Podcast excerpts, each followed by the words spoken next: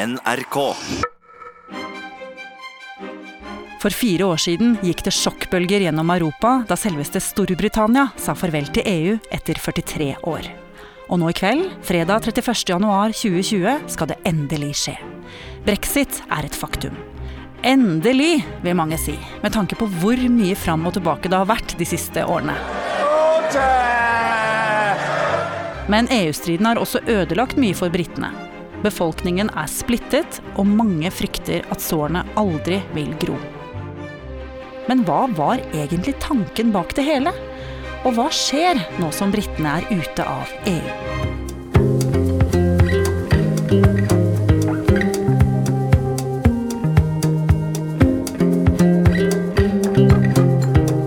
Du hører på Oppdatert.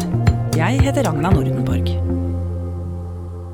Dagen etter folkeavstemningen om brexit så øh, våkna jeg klokka halv fem på hotellrommet i London sentrum og skrudde på BBC med en gang, bare for å få bekrefta at resultatet var det vi trodde da vi la oss noen timer tidligere.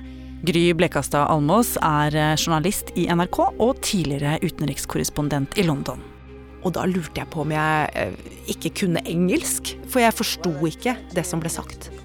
We can now say the decision taken in 1975 by this country to join the common market has been reversed by this referendum uh, to leave the EU.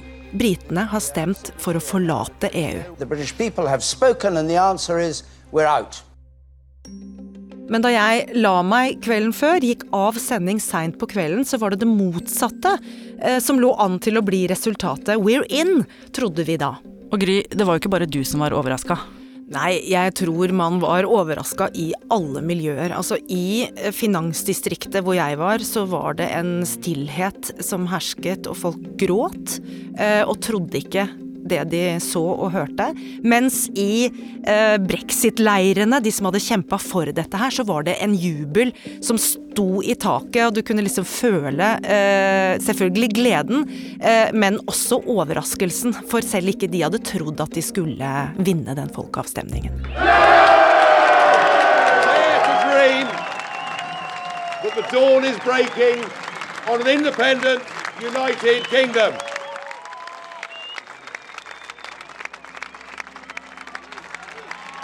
Dette var i 2016. Men hvis vi spoler tiden enda litt tilbake, hvor kommer egentlig denne ideen om folkeavstemning fra? Spørsmålet om EU har jo splittet den britiske befolkningen, eh, holdt på å si, alltid. Men finanskrisen eh, som kom i 2008-2009 forsterket nok den situasjonen på mange måter. Fordi i 2010 så eh, ble det innført innstramminger i den britiske økonomien som rammet eh, folk, vanlige mennesker, ganske hardt. Og særlig rammet det de som hadde lite fra før. Og da vokste også misunnelsen på de som hadde mer. Og annet eh, arbeidsinnvandrere fra EU eh, ble mer uglesett. Fordi de, der kom de og tok jobbene fra vanlige briter og på en måte ble mer De lyktes mer i det britiske samfunnet enn det mange opplevde at de selv gjorde. Og i det klimaet så var det et parti som het eh, UKIP, eh, som er det britiske selvstendighetspartiet, som fant et spillerom for sin store kamp, nemlig eh, å gå ut av EU. Og lederen for dette partiet, Nigel Farage, han møtte du i 2013. Ja, da eh, var jeg på et frokostmøte sammen med en del andre journalister hos eh, han, for da skulle vi se på TV sammen. Vi skulle se eh, den daværende statsministeren David Cameron fra det konservative partiet holde en tale om EU. we will give the British people a referendum with a very simple in or out choice to stay in the European Union on these new terms or to come out altogether. Så det David Cameron sier på TV-en mens Gry sitter og ser på sammen med Nigel Farage, er at han vil la britene få en folkeavstemning om EU. Og det sier han fordi Nigel Farage, som er leder for UKIP, og som alltid har ønsket å forlate EU, har blitt så populær blant velgerne. Men samtidig har statsminister David Cameron en slu plan. Han vil ikke ut av EU. Han vil bare vinne neste valg. Og så håper han at han skal klare å lage en god avtale med EU, enda bedre enn den som fins, slik at britene skal stemme for å bli. Så Gry, det er egentlig bare valgflesk, dette her fra David Cameron. Ja, på det tidspunkt så kan man jo si det sånn, og det funka jo, fordi nesten to og et halvt år senere eh, så ble det holdt parlamentsvalg, og David Cameron ikke bare vant, men han vant rent flertall. Og da ble han jo nødt til å holde løftet sitt, da. Men han vil jo ikke ha Storbritannia ut av EU, så hvordan løser han den floka? Han øh, reiser til EU, til Brussel, og prøver f.eks. å få en avtale som gjør at eh, arbeidsinnvandrerne ikke skal kunne hente så mye ut av det britiske velferdssystemet øh, som de gjorde. Og også prøver å få en slags garanti fra EU om at Storbritannia ikke skal knytte seg enda tettere politisk til eh, unionen. Og de forhandlingene går sånn passe bra. Han kommer tilbake igjen bare noen måneder før folkeavstemningen med noen punkter, men de er nok ikke eh, så gode som han hadde håpet på. For eh, spørsmålet er selvfølgelig, vil de overbevise folk om at det er bedre å bli værende i EU, som han jo da ønsker, enn å gå ut? Så David Cameron får det ikke helt til med EU. Men på hjemmebane så er det også en del ting som eh, begynner å bli trøblete. Ja, blant annet hans egen personlighet. Eh, han eh, er jo, eh, som mange politikere og statsminister i Storbritannia, en overklassegutt som har bakgrunn fra Oxford og disse eliteskolene, og som sliter litt med det folkelige imaget, selv om han prøver hardt og går på pub og tar et glass øl og skal liksom virke helt vanlig, men, men pressen tror ikke helt på han. Opp imot en Nigel Farage som på en måte er ektefolkelig, og som drikker øl på ordentlig, og som folk tror er den han fremstiller seg som.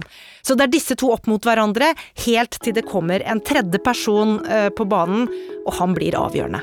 Hello, hello, hello. Good afternoon, everybody. I, I thought I'd better come out and say something because I could see that you were all, you were all in a great, in a great uh, mass here, and I, I apologise for being slow with coming down. You know, you want to ask my, my views on Europe, don't you? Ja, dette er altså Boris Johnson som da har tvilt seg fram til at han skal fronte eh, Nei til EU kampanjen, Vote Leave.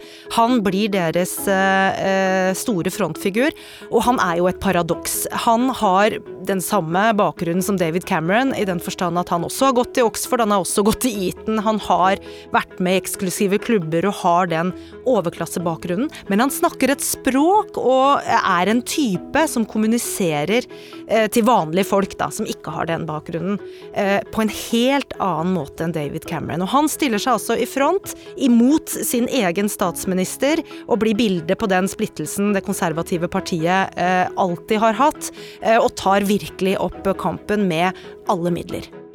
Og denne hvithårede og bustete mannen, som er tidligere London-ordfører og gammel avismann, Boris Johnson, han blir ansiktet til Leave-kampanjen, de som vil ut av EU og han blir mye mer populær enn statsminister Cameron. Særlig blant folk på bygda og i fattige arbeiderklassestrøk. Der liker de budskapet om at de skal få forandring. Der liker de budskapet om at det skal satses på helsevesenet, på den britiske befolkningen. Eh, og at det skal satses på kommunikasjon osv. inn i disse eh, litt mer grisgrendte strøkene. Så eh, Boris Johnson treffer en større del av befolkningen enn det ser ut til at uh, ja-siden gjør. Og det er jo egentlig kanskje ikke så rart? Nei, altså man kan jo bare prøve å forestille seg den situasjonen sjøl. Hvis man er veldig frustrert, og så får man valget mellom enten å fortsette som før, eller å få en eller annen form for forandring, eh, så er det lett å tenke seg at veien til forandring er kort, da. Og kanskje er det også det som er best for alle disse menneskene i disse samfunnene. Og så, den 23. juni 2016, da kommer dagen da britene skal bestemme seg. Om fire timer stenger stemmelokalene i Storbritannia. Da har britene gjort sitt historiske valg. Skal de bli i EU eller gjøre en brexit, altså gå ut etter over 40 år i union? Og utpå morgenkvisten dagen etter, klokka halv fem, så kommer resultatet. Etter ei valgnatt av de sjeldent dramatiske, så våkna altså Storbritannia og Europa opp til brexit. Britene forlater EU etter 43 år i unionen. Og da er vi tilbake til morgenen du refererte til helt i starten av episoden, Gry. At du er på hotellrommet ditt og prøver å stokke dette budskapet riktig i hodet ditt. Hva er det som skjer videre med David Cameron og Storbritannia nå? Ja, det spurte jo vi oss også på sending den uh, morgenen, selvfølgelig. Og det som skjedde, ganske kort til bare noen timer etter at uh, resultatet var klart, var jo at han trakk seg som statsminister. Han hadde uh, gambla og tapt. I will do everything I can as Prime Minister to steady the ship over the coming weeks and months. But I do not think it would be right for me to try to be the captain that steers our country to its next destination. In my view, we should aim to have a new Prime Minister in place by the start of the Conservative Party conference in October. Så det var over og ut med han, og så starta en lang periode med politisk kaos i Storbritannia. For selv om britene hadde bestemt seg for at de ville ut av EU, kunne de ikke kutte alle bånd med en gang og trekke seg ut samme dag. Først måtte politikerne i Storbritannia bli enige med politikerne i EU om en avtale for hvordan denne utmeldingen skulle skje. En sånn avtale skulle bl.a. slå fast hvor fritt folk og varer kunne flyte over grensen mellom Storbritannia og EU. Og ikke minst hvor mye penger britene måtte betale til EU som en kompensasjon for å forlate fellesskapet. Og hun som fikk i oppgave å lage denne avtalen, det var den nye statsministeren Theresa May. And together we will build a better Britain. I tre år reiste hun i skytteltrafikk fram og tilbake til Brussel for å forhandle med EU. Men det skulle vise seg å bli vanskelig.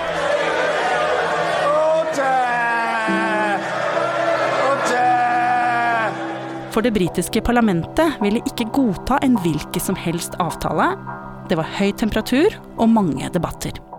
Noen ønsket en ny folkeavstemning, mens andre var bare ikke fornøyd med avtalen Theresa May klarte å få i land. Derfor ble den stemt ned. The eyes to the right, 202. The nose to the left, 432. Og sommeren 2019 endte det med at hun måtte trekke seg som statsminister. I will shortly leave the job that it has been the honor of my life to hold. To serve the country I love. Og mens alt dette skjedde, vokste også splittelsen i det britiske folket. Det har jo vært eh, daglige demonstrasjoner utenfor parlamentet i, flere år nå, og det har jo vært konfrontasjon mellom de ulike synspunktene.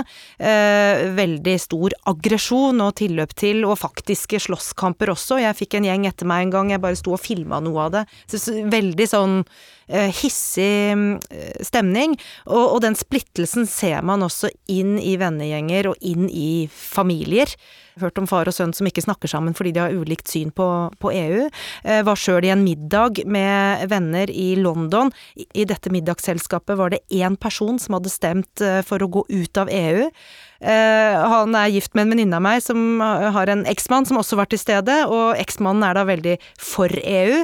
Og jeg ble advart på forhånd om ikke å snakke om brexit, for det blir bare bråk mellom de to, så eh, ikke nevn det. Men jeg klarer jo ikke å la være, for jeg er jo veldig nysgjerrig på eh, hvordan det er å ha den holdningen da i London, hvor de aller fleste er for EU. Så jeg fikk en annen venninne til å oppholde eksmannen i en annen samtale, så han ikke skulle høre på oss. Eh, og så spurte jeg han eh, litt om hvordan det var, og han fortalte jo at eh, vennskapet han har hatt i, i 30 år, var Han ble, han ble kasta ut av en fest en gang fordi han da hadde feil syn på, på EU. Og etter samtalen så takket han meg fordi jeg kunne høre på han og hans synspunkter uten å bli sint og opphissa, liksom. Altså at vi kunne ha en sivilisert samtale om det. Det er han ikke vant til. Så jeg kan forstå at folk ikke ønsker å snakke om brexit. Eh, at de ble lei av det, og ikke bare lei, men kanskje også redd da, for reaksjonene. Og hva tror du britene tenker i dag, da? Nå er det slutt. Parlamentarikerne, de britiske parlamentarikerne, de skal hjem fra EU. Er de glad? Håper de at de kan bli venner igjen? Hva, hva tror du? Altså, nå har det landa. Nå blir det Dette skjer. Nå er det ikke lenger en diskusjon om det går an å finne andre løsninger når brexit skjer. Britene er på vei ut av EU. Og det kan jo være grunnlaget for en forsoningsprosess.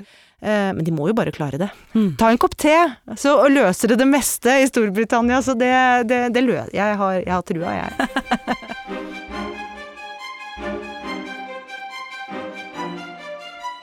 Mange lurer på hva som skjer med Storbritannia rent sånn praktisk, nå som brexit har skjedd. Svaret på det er at man må smøre seg med litt tålmodighet. Det skjer nemlig ingen store endringer sånn over natta, sier ekspertene vi har snakket med. For nå skal Storbritannia bruke resten av dette året på å forhandle med EU og andre land om hvordan de skal kjøpe og selge varer, f.eks. Og så skal de ta stilling til hvem som skal slippe inn i landet, og om noen er nødt til å dra derfra. Statsminister Boris Johnson håper på at alt dette skal være klart innen året er omme. Men mange tror at det kan ta mye lengre tid. Og mens disse forhandlingene pågår, vil forholdet mellom Storbritannia og andre land, som f.eks. Norge, være som før brexit.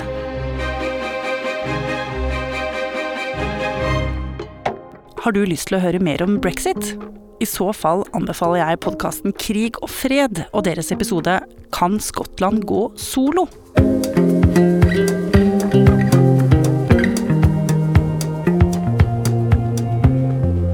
Oppdatert lages av Katrine Nybø, Ida Tune Øritsland, Rikard Sveen, Petter Sommer og meg, Ragna Nordenborg. Vil du kontakte oss, gjør det på oppdatert krøllalfa nrk.no.